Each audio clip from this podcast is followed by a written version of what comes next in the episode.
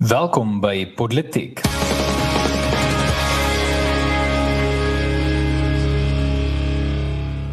Reg so, hier gaan ons. My naam is Erns van Sail en saam met my in die ateljee is Paul Marits en Frederik van Duyk en in vandag se episode Bella wet pla, COVID las klaar en 'n pofu dissiplinêr wat niks baar.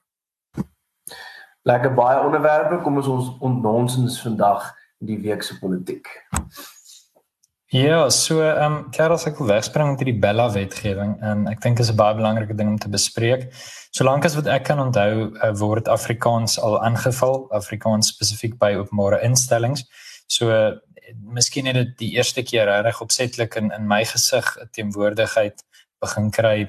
Kom ons sê toe ek so graad 7 was by RAI ehm um, waar toenemend minder Afrikaans maar net beskikbaar was. En ek ken nie al die geskiedenis daar nie. Ek was met 12 jaar oud.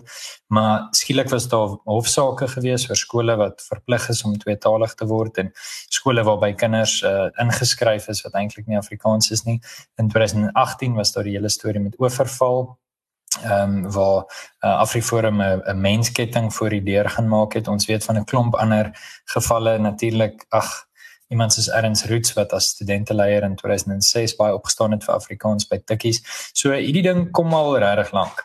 Maar ek dink daar was min sulke sterk antagoniste teen Afrikaans ten minste in sover ek kan onthou so Spanjaza Lesofie. So ons het Lesofie nou al baie bespreek op politiek. Ehm um, maar dit wat hy nou voorstel die Bella wetgewing, ehm um, dit is eintlik maar net die Basic Education uh, Legal Act of iets van die aard. Ek weet nie presies waarvoor die akroniem staan nie, maar dit is maar net 'n hersiening vir die basiese onderwyswetgewing in Gauteng. En die problematiese klousule in dit wat hy voorstel is effektief maar net dat uh hy gaan voorstel dat die provinsiale onderwyshoof die finale sê sal hê oor toelating en taalbeleid. Nou, dis die mees kommerwekkende probleem met hierdie want dit kan beteken wat, wat is die provinsiale hoof? Dit is sekerlik jou LER.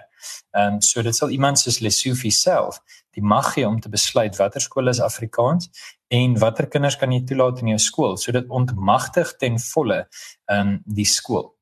Nou hier wil ek 'n paar opmerkings maak. Ek dink die die patina, die boonste laagie wat ons hierso sien is natuurlik eenvoudig maar net dat daar 'n aanval op Afrikaans is en dis 'n populistiese tipe uh optrede van Lesofie af. Wat vir my op 'n dieper vlak lê, is die feit dat ons moet onthou Lesofie gaan homself beskikbaar stel as premier van Gauteng, uh of as ANC kandidaat vir premier van Gauteng. Hy sal hopelik verloor, maar uh dit gaan vir Lesofie daaroor dat hy ook 'n bepaalde stem wil kry en ons sien dit histories. Wanneer Lesofie binnekort 'n verkiesing het, dan is die Afrikaner die eerste een op sy versuur.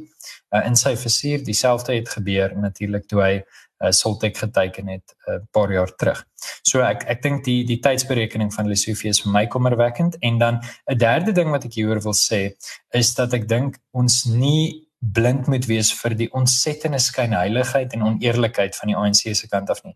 President president Nelson Mandela het in 1994 in Mei maand toe hy net verkies is as president, het hy 'n uh, gedig van Ingrid Jonker in Afrikaans gelees, Die kind en ek onthou almal aan, wel ek onthou nie ek was 18 maande oud, maar ek meen oor die jare het mense al so daaroor gepraat en daar's hierdie olyftak vir Afrikaans uitgestuur. En ek dink wat die ANC van vandag nie besef nie is hulle vernietig hulle eie naam en hulle eie sogenaamde struggle um se morele hoëgrond beter as wat enigiemand anders kan. Waar hulle morele hoëgrond 'n berg was in 1994 is dit nou 'n sloot en dis as gevolg van hulle eie toedoen. Um, Miskien moet ek daar stop voordat ek ons gedagvaar kry. nee, jy's op die regte trant. Ehm um, Paul, maar ja, net om by te voeg die Bela wet staan natuurlik nou dis nou die akroniem vir die Basic Education Laws Amendment Act en uh, ek het nou self uh, redelik in diepte daaroor navorsing gedoen en daarvan van daai proses deel gewees en um, maar nie van die skryf van die wetgewing nie moet ek byvoeg. Ehm um, uh, net om te adviseer hier en daar. En die Bela wet soos jy sê dit dit dit stel 'n klomp waardeoordele in die guns van die onderwysdepartement wat dit vir hulle sou moontlik maak om baie maklik bevele te gee, sentralistiese bevele te gee um, om taalbeleid te bepaal uh wat skole betref. En as mens gaan kyk die gronde waarop hulle dit doen, hulle gaan baie hulle gaan baie buite die bestek van byvoorbeeld die Ermelo uitspraak wat bepaal het wat die gronde is waar volgens um, moet dit jy weet 'n bestaande aanbod om moedertaalonderrig verminder of afgeskaf kan word. Um, en dit daai gronde is veronderstel om baie moeilik te maak, maar hulle gaan nou geweldig buite die bestek van daai konstitusionele uitspraak. Ehm um, die kommentaar die 15de Junie gesluit. Ek dink die meeste mense met wie ons nou praat is in elk geval mense wat of kommentaar sou lewer of betrokke is by een of ander organisasie ehm um, of drukgroep wat wel kommentaar sou lewer en ek dink daar as ek nou net so gekyk het na wie almal kommentaar gelewer gesê hulle gaan kommentaar lewer is dit nogal 'n groot gros van die georganiseerde Afrikaanse um, omgewing bepaal ook natuurlik daardie organisasies wat hulle bemoei met skoolonderrig en hoër onderrig in Afrikaans. So ek dink wat so so diep en donker is wat enigiets wat hulle Sofie sê ehm um, en jy weet mense mag mense mag laat voel dink ek daar is geweldig druk uit die Afrikaanse gemeenskap uit en ehm um, ek glo nogal in in Dr. Teens Elof se teorie van die ANC en die balance of die balance of forces en dit is as jy genoeg genoegsame teenstand bied teen 'n uh, lagwekkende en ook ehm um, diskriminerende uh, oorheersingsdrang tipe idee soos hierdie wat in die onderwyswet vervat is, dan neig die ANC om na 'n ruk te back off want hulle sê die die balance of forces is nie reg nie. En dit het ons nou gesien gebeur met die vlagpaal projek en ook gebeur met ehm um, Nzimande met sy uh omskrywing van inheemse tale en dit het ook gebeur met Nadim Tetwa net ander dag waar hy 'n 180 omswaai gemaak het rakende die Afrikaanse taalmonument. So hopelik ehm um, sal spesifiek die politieke hoof van onder van basiese onderwys. Dit is natuurlik nou ehm uh, uh, Angie Motshek gaan die minister van basiese onderwys. Sal sy hierdie jy weet afbalance balance of forces aanvoel en dan nou uh uh hopelik sal sal hierdie ding nie slaag nie. Want dit het geweldige gevolge en ek hoop regtig ons kom nie op die punt waar dit enigsins implementeerbaar word nie. Ek dink laastens voor ek na jou toe oorskakel, ekskuus, ek het so baie om te sê oor hierdie stuk, oor ek nou so in diepte betrokke was. Laastens wat mense kan byvoeg is hoekom moet ons 'n probleem hê met hierdie wet bepaal as dit by taal kom? Nou ja, dit is eerstens is 'n goed gekamoufleerde stuk wetgewing. Ehm um, daar's 'n klomp goed in die wet wat eintlik tot 'n mate meer magte gee en dit makliker maak vir skole om finansiële bestuur en so voort toe te pas. Ehm um, so daar's 'n klomp positiewe aspekte wat ook FETSAS uitgehef het rondom goed wat hulle al vir baie jare lank voor gevra het. So ek dink die wet moet nie noodwendig as 'n tipe geheel beskou word nie. Maar tussenin al hierdie is daar natuurlik nou ehm um, die subartikel 5 of die of die wetsartikel wysigingswet artikel 5 waar al die moeilikheid dan nou in vervat is. En daar is al die uh kan jy sien al die politieke oorwegings ingewerk om te probeer om ehm um, spesifiek Afrikaanse onderrig meer af te skaal. Dit word nie by die naam dit genoem nie, maar dit is duidelik dat dit geïmpliseer word as jy kyk na ehm um, enkel medium skole en so voort. Want ek kan vir jou brief gee dat uh Engelstalige enkel medium skole nie die teiken hiervan sal wees nie. Ehm um, so dit is dit is uh, ek dink daar's 'n hele storie wat mens daaroor kan sê, maar dit kom daarop neer dat daar daar dit is so verwoord dat dit daar nooit plek sal wees vir Afrikaans enkeltalige skole nie. En ons weet ook wat gebeur dat as dubbel medium skole nie behoorlik bestuur word nie op grond van aanvraag en veranderende demografie ensovoorts, ehm um, dan is die volgende stap geheel en al Engels in van daai skool. So ek dink ons moet regtig, jy weet mense mense moet mense moenie slaaplose nagte hê netwendig oor die wet nie, maar terselfdertyd moet mense ook nie niks doen nie. En ek dink daar's baie wat mense net ehm um, wel teen kan druk en ook jou jou jou stem byvoeg en ten minste artikels deel waar hierdie wet op gekritiseer word. Ja, so dis my hmm. preek vir wat die BLA wetgewing betref. Nee, dankie Frederik. Ehm um, julle al beide uh, beide van julle het nou goed die tegniese aspekte van hierdie wet gedek. So ek wil bietjie net meer uitbrei op wat die ANC ehm um, maar nog net weer wat ons hierso sien wat die ANC probeer regkry en Ehm um, ongelukkig is besig om uh, uh met beerdkrag hier by ons, so dit gaan al hoe donkerder word hier op my skerm, maar julle gaan nog steeds my my gedagtes kan hoor deur julle luidsprekers. So as dit kom by wat ons hier sien is dit nie 'n nuwe patroon nie. Wat ons hier sien is maar die ANC wat soos jy gesê het, uh, Frederik het genoem van die uh, die balans van magte en die ANC wat die ANC hier doen. Jy het gepraat nou van hoe om die balans van magte in jou guns te kry, maar wat die ANC hier doen is besig om die balans van magte in hulle guns te probeer kry. Hulle weet skole, uh universiteite, uh al die onderrigsinstellings was nog altyd plekke waar Afrikaners uh kon organiseer en bymekaar kom. Veral skole, deur sport, uh kultuurgeleenthede, deur al die geleenthede wat gebied word deur die skool self. Dit is 'n 'n plek waar waar waar al die ouers van die jong mense in daai gemeenskap kan bymekaar kom uh veral in in kleiner dorpe nou nie soveel in die stad nie maar uh in in die dorpie waar ek groot geword het in Mamesbury was die die hoërskool Swartland was waar al die ouers van die gemeenskap uh bymekaar gekom het uh oor weens hulle kinders. Hulle kinders het na dieselfde skool toe gegaan het So as jy Afrikaanse skole kan breek, dan beskadig jy nogal erg die mag van Afrikaners of die die gemeenskaplike gehegtheid van Afrikaners. Jy verbreek baie bande en jy maak dit baie moeiliker vir daardie gemeenskap om te skakel en om bymekaar te bly en om 'n gehegte geheel uh, te vorm. En dit is absoluut wat die ANC hierso doen. Moenie dink hulle doen dit omdat hulle lief is vir Engels nie. Moenie dink hulle doen dit omdat hulle uh net probeer om uh, goeie resultate met hierdie skole te kry nie. Nee, hulle doen dit omdat hulle wil Afrikaans breek. Hulle wil en deur Afrikaans te breek gaan hulle Afrikaners probeer breek. Maar hulle gaan dit nie reg kry nie as jy kyk na die geskiedenis van Afrikaans het ons taal al baie erger aanslae oorleef. Hierdie is baie klein in vergelyking met die aanslae wat die wat ons taal al teen te staan gekom het, maar nietemin beteken hierdie is 'n um 'n uh, 'n saak wat nie ernstig opgeneem moet word nie. Maar ek dink dit is belangrik dat mense verstaan daardie dimensie van wat dryf die ANC. Panyaza Lesofie is 'n goeie voorbeeld. Hy word nie gedryf deur sy liefdadigheid of sy liefde vir hy wil uh, regtig skole verbeter en sy werk goed doen nie. Sy aksies demonstreer dat hy raak gedryf deur sy haat vir Afrikaans en spesifiek sy haat vir Afrikaners. Dit is nie iets wat ek dink nie enigiemand twyfel daaroor nie. Ek dink nie dis iets wat mense oor spekuleer nie. Dit kom baie duidelik deur sy retoriek na vore. Dit kom nog duideliker deur sy aksies na vore. 'n Goeie voorbeeld daarvan is toe uh sy een aan die een kant is sy missie om Afrikaans heeltemal te verjaag en te verdryf uit alle uh, staatskole uit en dan wanneer Afrikaners Afrikaanse instellings so Soltech bou dan uh gooi hy ook sy speelgoed uh uit die bed uit en hy huil en spring ook en uh gooi uh en uh gaan mal. En dit beteken dit gaan nie vir hom oor die uh taal van onderrig nie. Dit gaan vir hom oor wat hy kan regkry deur daai taal van onderrig te breek. Wat hy kan regkry deur seker te maak dat daar nie uh uh dat daar so min as moontlik instellings in Suid-Afrika is wat Afrikaans as 'n onderrigstaal gebruik.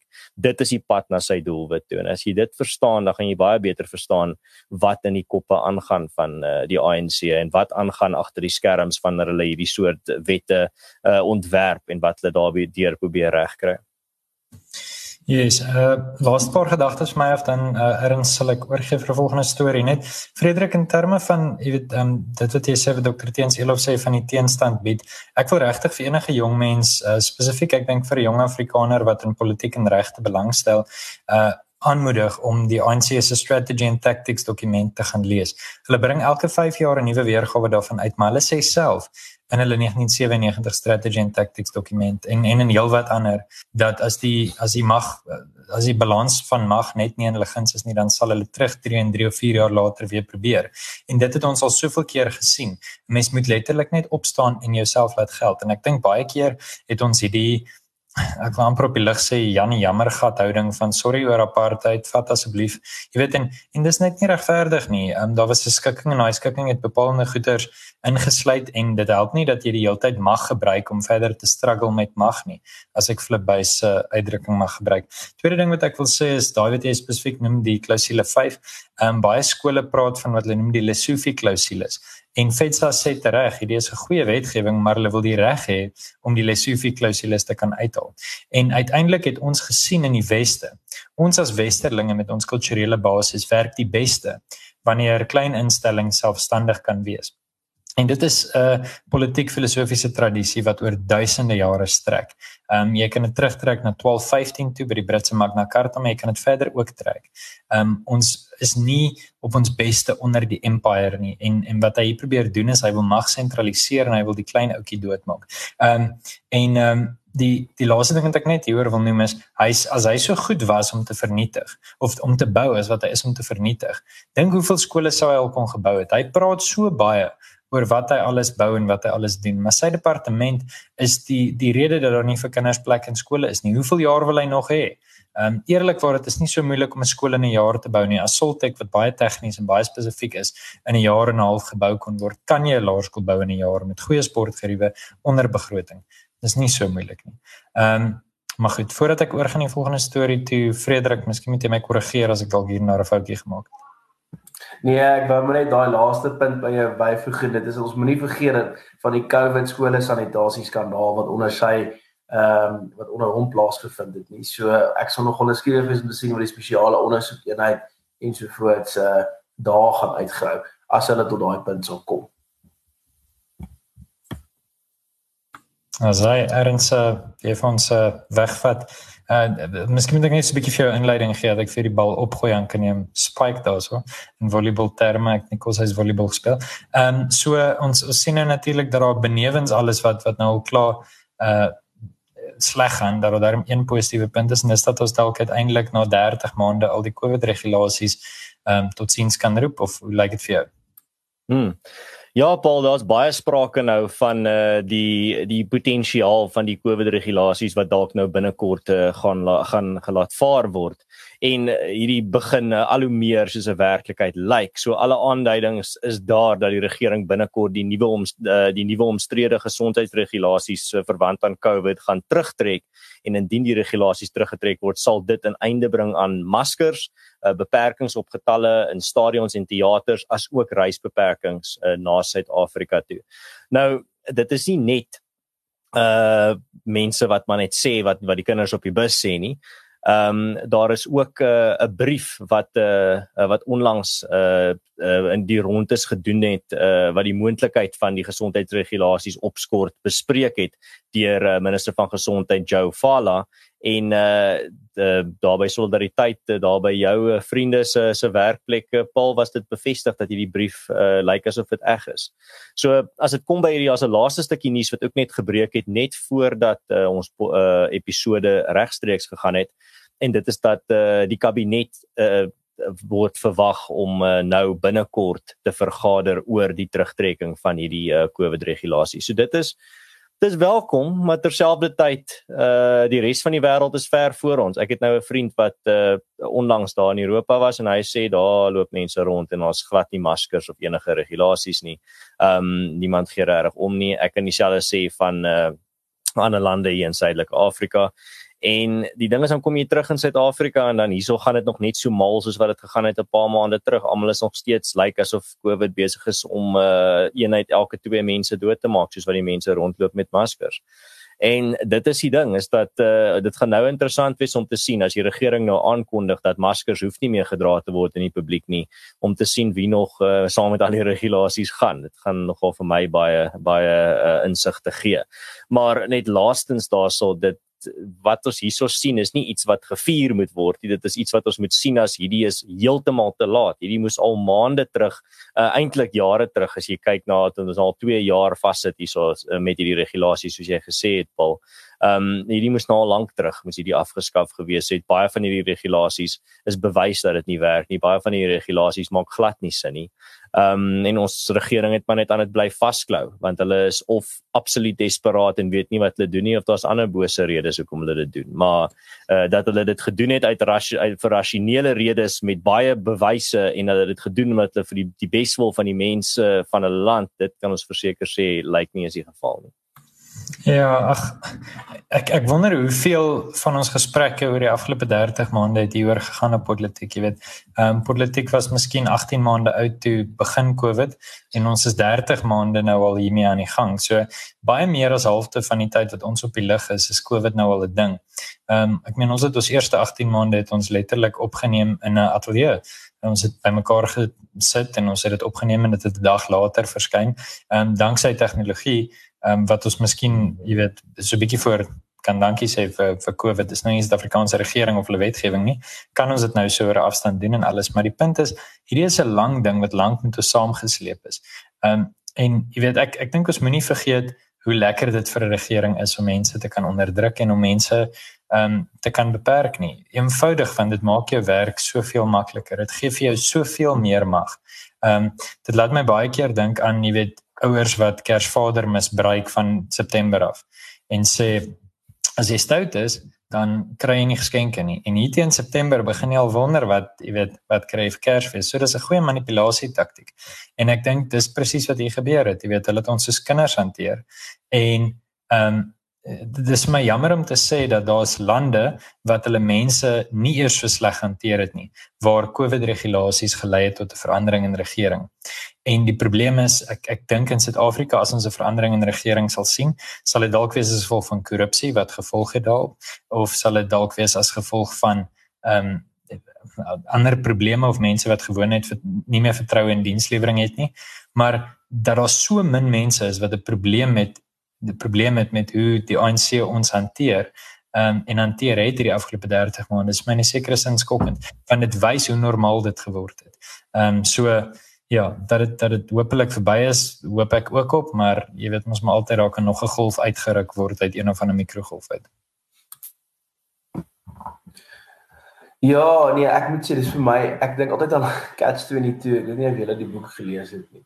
Ehm um, maar dit laat my altyd dink aan Catch 22 is daar nou 'n gedeelte waar die hele storie is mos nou so oor die Tweede Wêreldoorlog en die absurditeit wat baie van daai ouens wat in die lugmag was nou ervaar het ehm um, van hulle bevelvoerders. Jy weet, weens die die arbitrêre mag wat die ouens het, nie van die gevalle dan of die van die scenes is on nou 'n geval waar hulle sê die dokter is op 'n uit op 'n sy naam is in 'n logboek en hy's op 'n vliegtyg volgens die logboek en die vliegtyg is nou afgeskiet iewers oor Italië.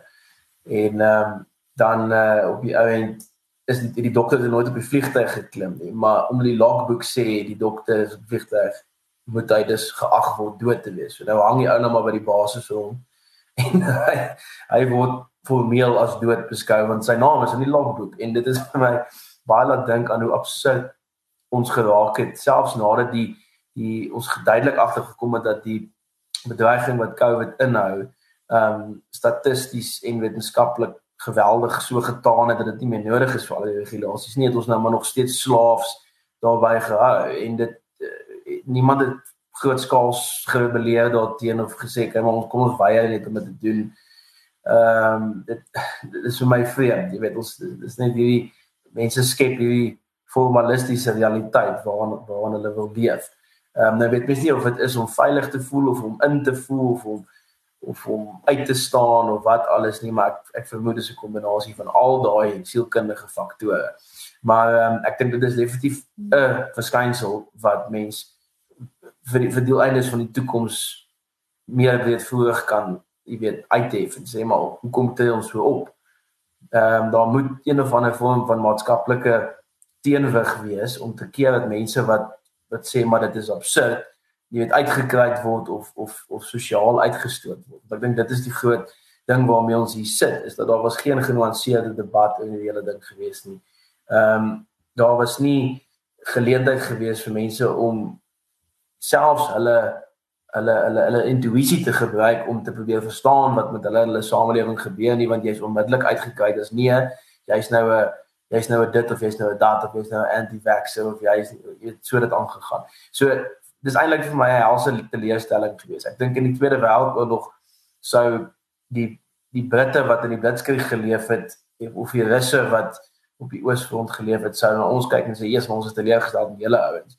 Ehm um, want julle kon nie hierdie aanslag regtig eenvormig en en en en en met ehm um, met deernis vir mekaar en met 'n stywe ruggraat hanteer nie. Inteendeel, julle het net gekyk hoeveel julle mekaar kan uitvreet. So dit dit is hartseer, maar nie te min erns.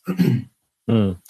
Ja, ek dink net laastens wat belangrik is is as uh, Suid-Afrika nie so 'n uh, 'n uh, sterk burgerlike samelewing gehad het soos uh, deur SA Solidariteit uh, Afriforum wat heeltyd die regering druk op geplaas het om hierdie regulasies terug te trek nie sou ons dalk uh, nog langer moes gewag het vir dit om te gebeur. Ek dink daai druk het uh, definitief 'n rol gespeel en dit 'n belangrike uh, rol gespeel het ons nou uiteindelik by hierdie punt gekom het. Ehm um, maar ja, gepraat van uh, regulasies wat niks gebaar het nie. Ehm um, Fred, het jy vir ons enige het vir ons 'n storie daaroor 'n dissiplinêre verhoor wat niks gebaar het nie? Ja, goed Ernst, ek moet seker 'n bietjie inweeg rondom die politiek van my eie ehm um, beroep en uh, dit is natuurlik die vryspraak van Dali Mpofu. Ek dink dit was gister spesifiek gewees vir die regspraktyke praktyke wat nou daar klag teen hom geleë is. Ehm um, toe hy by die Zondo-kommissie by van die laaste sittings vir ek dink die getuienisleier van die kommissie gesê het ehm um, shut up toe sy besig was om getuienis te lei. Nou mense sou uit die eerste oogopslag dink okay, is mense nou besig om onnodig preets of puntenerig te wees, jy weet, uh is dit nou regtig so erg dat iemand sê shut up, maar as mens nou spesifiek gaan kyk wat in die konteks van wat daar aan die gang was. Hierso is nou iemand wat veronderstel is om deel te wees van die onpartydige ehm um, soeke na wat die waarheid is of wat so naas moontlik aan die aan die waarheid kan kan gewees het en hy is nie bereid om sy kollega te respekteer om te om by te staan in daai doel vir die kommissie nie. Hy sal vir haar sê shut up en dit natuurlik gegee sy hele trek rekord is heeltemal te verwagte van hom. En daai Limpopo weet ons verdedig ook mense soos Jacob Zuma, het hom uh, onsuksesvol verdedig natuurlik in sy pogings om uit die tronk te bly verlede jaar. Ehm um, en dit natuurlik met weens die feit dat hy baie goed verstaan dat tyd die lewensbloed van die reg is. So as jy as jy die bal heeltyd kan uitskop deur op die kantlyn, dan gaan jy vir tyd kan speel en dan gaan 'n klomp uh, eksterne faktore natuurlik die proses of ontspoor of inhaal.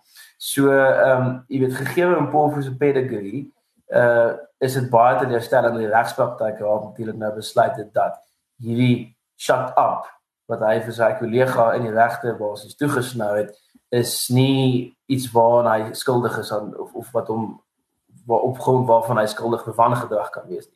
Ek meen dit is onbetwisbaar dat hy dit gesê het en hoe hy dit gesê het en vir wie hy dit gesê het, want daar's video's daarvan. Die hele sondekommissie is natuurlik opgeneem. Ehm um, of die verrigtinge daarvan. So ehm um, wat my natuurlik die meeste plaas, daar was nie eens 'n kwessie van jy weet hierdie is jy weet daar daar moet baie min getuienis gelei word om hierdie ou jy weet uh skuldig te bevind. En hulle vaar verwysings in die die rede vir die uitspraak gemaak en gesê jy weet die konteks en so voort bepaal dit jy weet hy was maar net gefrustreerd en daar was sulke vaar bevindinge wat eintlik maar min of meer niks seggend is.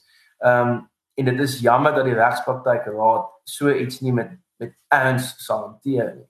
Want uh hier sit ons nou met 'n man of 'n 'n kollega, lid van die Bali Raad. Ehm um, en hy kom weg met hierdie tipe gedrag voor regte, voorsittende regte en voor uh jy weet een van die belangrikste kommissies wat korrupsie betref in Suid-Afrika se geskiedenis. Ehm um, so dit laat my opreg wonder oor die regspraktyk raad self en die motiewe wat daar heers. En ek sê dit nie ligtelik nie as ons byvoorbeeld gaan kyk na die die regspraktyk raad en as hulle 'n spesiale samewerkingsooreenkoms met die Black Lawyers Association.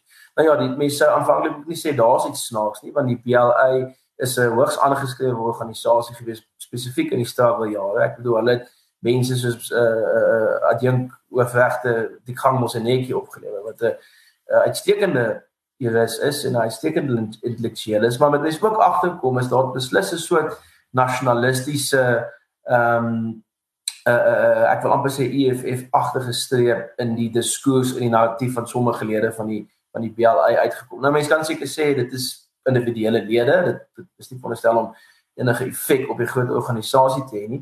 Totdat jy gaan sien wat hulle argumente was in regte Sloppe se onlangse poging om die regterlike dienskommissie se um, se bevindinge teen hom uh ongedaan te laat verklaar. En hulle het namens of wel nie namens hom nie, maar hulle het as amicus of vriend van die hof opgetree en probeer om hom te verontskuldig, deur te sê maar jy weet in onder andere die gemeenereg uh ehm, of die die die die die die die, die Afrikaanse of die African gewoonte reg ehm um, behoort sloppies uh jy weet die feit dat hy verskoning sou ophou. Uh vir sy gedrag behoort dit genoegsaam te gewees het. So straffeloosheid hulle interpreteer straffeloosheid as 'n orde van die dag. En dis jammer dat daai selfde sentiment dan nou ehm um, voor die regspraktyk raak wat so 'n nou verbintenis met die met die BLA staan ehm um, na vore gekom het. Ehm um, jy weet ek ek dink eenvoudig ons leef in 'n tyd waar ons nie kan ideologiese bevindinge maak wat sê dat daar 'n straffeloosheid regverdigbaar is op een of ander manier dat jy net kan jammer sê en aanbeweeg in die lewe nie. Dis in elk geval 'n gruwelike misverstaan van die die die African customary law. Ehm um, daar is nie so iets dat jy net kan wegkom met 'n verskoning nie. So dit is baie jammer dat dat selfs iets soos die African Customary Law, die gewoontereg wat met respek ook omgegaan word, dat dit vir politieke doeleindes so vervorm word en dan op die eind neerslag vind in in bevindinge ehm um, of vermoedelik neerslag vind in bevindinge van die regspraktyke wat ehm um, in die geval van Bolfo. So ek ehm um, in 'n groter konteks van straffeloosheid in Suid-Afrika en en misdaad wat in die orde van die dag is en wangedrag wat net eenvoudig oorgesien word vir politieke uh uh, uh noodsaak deur sommige mense ehm um, dink ek ons moet hierdie met die agterdog wat dit verdien beheer. So ek ek wil net vinnig een ding hieroor sê ek dink dit is baie tegniese regspunt en ek ek dink jy het al die detail gee wat nodig is maar onthou maar net George Orwell se kommentaar op 'n uh, 'n uh, kommunistiese strewe en jy weet of 'n sosialistiese strewe die goed is wat hulle behandeling van mekaar betref nie so ver van mekaar af nie. All animals are equal some animals are more equal than others. Partykeer is sulke eenvoudige sinne tog maar net 'n manier om iets te verstaan. Dit jy weet party mense kom weg met goed as volg van wie hulle ken.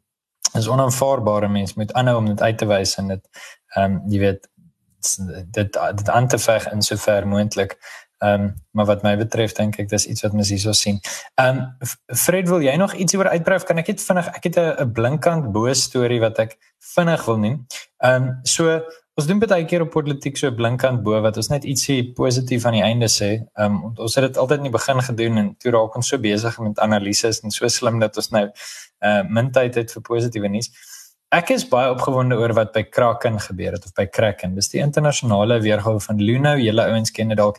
Ehm dis 'n vir, vir die kykers wat nie noodwendig weet nie, dis 'n baie groot uh, kripto geld eenheid verhandelingsplatform. En die hoofuitvoerende beampte het vir al sy werknemers wat sogenaamd triggered was, so wat aanstoot geneem het deur van die uitopmerkings wat hy gemaak het oor vryheid van spraak en vryheid van denke, het hy 'n paar maande se salaris aangebied en hulle gevra om asseblief weg te gaan. Nou, ek sê baie uitdruklik nie dat ek saamstem met alles wat hy gedoen het nie. Ek dink van die goed wat hy gesê het, as ek dit reg lees, is verkleinerend geweest en is jy weet, stem ek nie meer saam nie. Maar ek hou van die feit dat groot maatskappye weer bereid raak om te sê, hier kom jy om besigheid te doen. Jy kan jy weet, ons ons het 'n bepaalde kultuur en veral in die weste is daar 'n tradisie van vryheid van spraak. As jy nie hou van wat ek sê nie, oorwin my met idees maar om 'n video te maak of om na die New York Times te hardloop omdat jy ongelukkig is met die standpunte en die manier hoe die besigheid bedryf word, dit sal net nie werk nie. Ehm um, en so ek is bly dat daar daai normaliteit is en ek het gedink dis 'n positiewe puntjie om te noem. Uh Erns en dan gee ek vir jou oor om voordat dit heeltemal donker by jou is dalk vir ons af te sluit uh, en dan voor ons jou gesig nie meer kan sien nie. Right, uh, voor ek afsluit sien ek uh, Frederik se hand is op Bybel gevinnig iets sê. Nee, ag nee, net kortliks. Ek dink dit dit dit is dit begin ten minste bewys dat daar hoef nie uniformiteit van denke te wees nie. En ek dink daar's hierdie misverstand spesifiek van die sogenaamde woke ingesteldheid af wat wat sê dit, dit wat totaliserend is. In ander woorde, jy moet ten alle tye moet jy ehm um, moet jy heeltyd jouself assosieer met alles wat die norm is van die narratief van die dag. En ek dink hierdie begin half die punt deurdring dat daar is fokuspunte. En uniformiteit is nie aan die orde van die dag nie, maar daar is daar is gedeelde menslikheid, maar terselfdertyd is daar hierdie fokuspunte waar mense verskillende opinies, kulturele gewaarwordinge, tale ensovoorts het. En ek dink dit dit is baie moeilik vir sommige ouens, veral die wat nou tipies getrigger sal word, ehm uh, uh deur bepaalde vryheid van spraakstellings byvoorbeeld. Ehm um, dat jy weet daai daai ding dat nie almal dieselfde dink of is of glo of of wil glo of is nie is vir baie mense nogal 'n probleem. So ja, ek dink dis maar al wat ek daar wil byvoeg dit is 'n positiewe ontwikkeling. Hmm. Alright, en ja, soos Paul gesê het, uh, voordat ek heeltemal verdwyn, uh, is hierdie episode ook vir nou eers verby. Ehm um, ons wil baie dankie sê aan almal wat ingeskakel het. Dankie vir al julle uh kommentare en dankie vir uh, dat julle hierdie ook deel. Ons sien altyd dat julle raak as julle die hierdie politiek episode deel op sosiale media. As jy vir ons wil help uh om hierdie program aan te hou doen en uh, dit so goed as moontlik te maak, kan jy ook dit deel met nuwe mense wat nie weet van uh, van politiek nie Ehm um, jy kan ons ook deur Patreon ondersteun en dan kan jy ook as jy nie regstreeks luister nie, kan jy ook 'n kommentaar los op YouTube. Uh, ons lees hulle almal en uh, reageer op soveel as wat ons kan en uh, waardeer julle terugvoer. En nou ek uh, hoop julle het 'n lekker res van die dag. Geniet julle naweek ook wat voorlê en dan sien ons julle volgende week.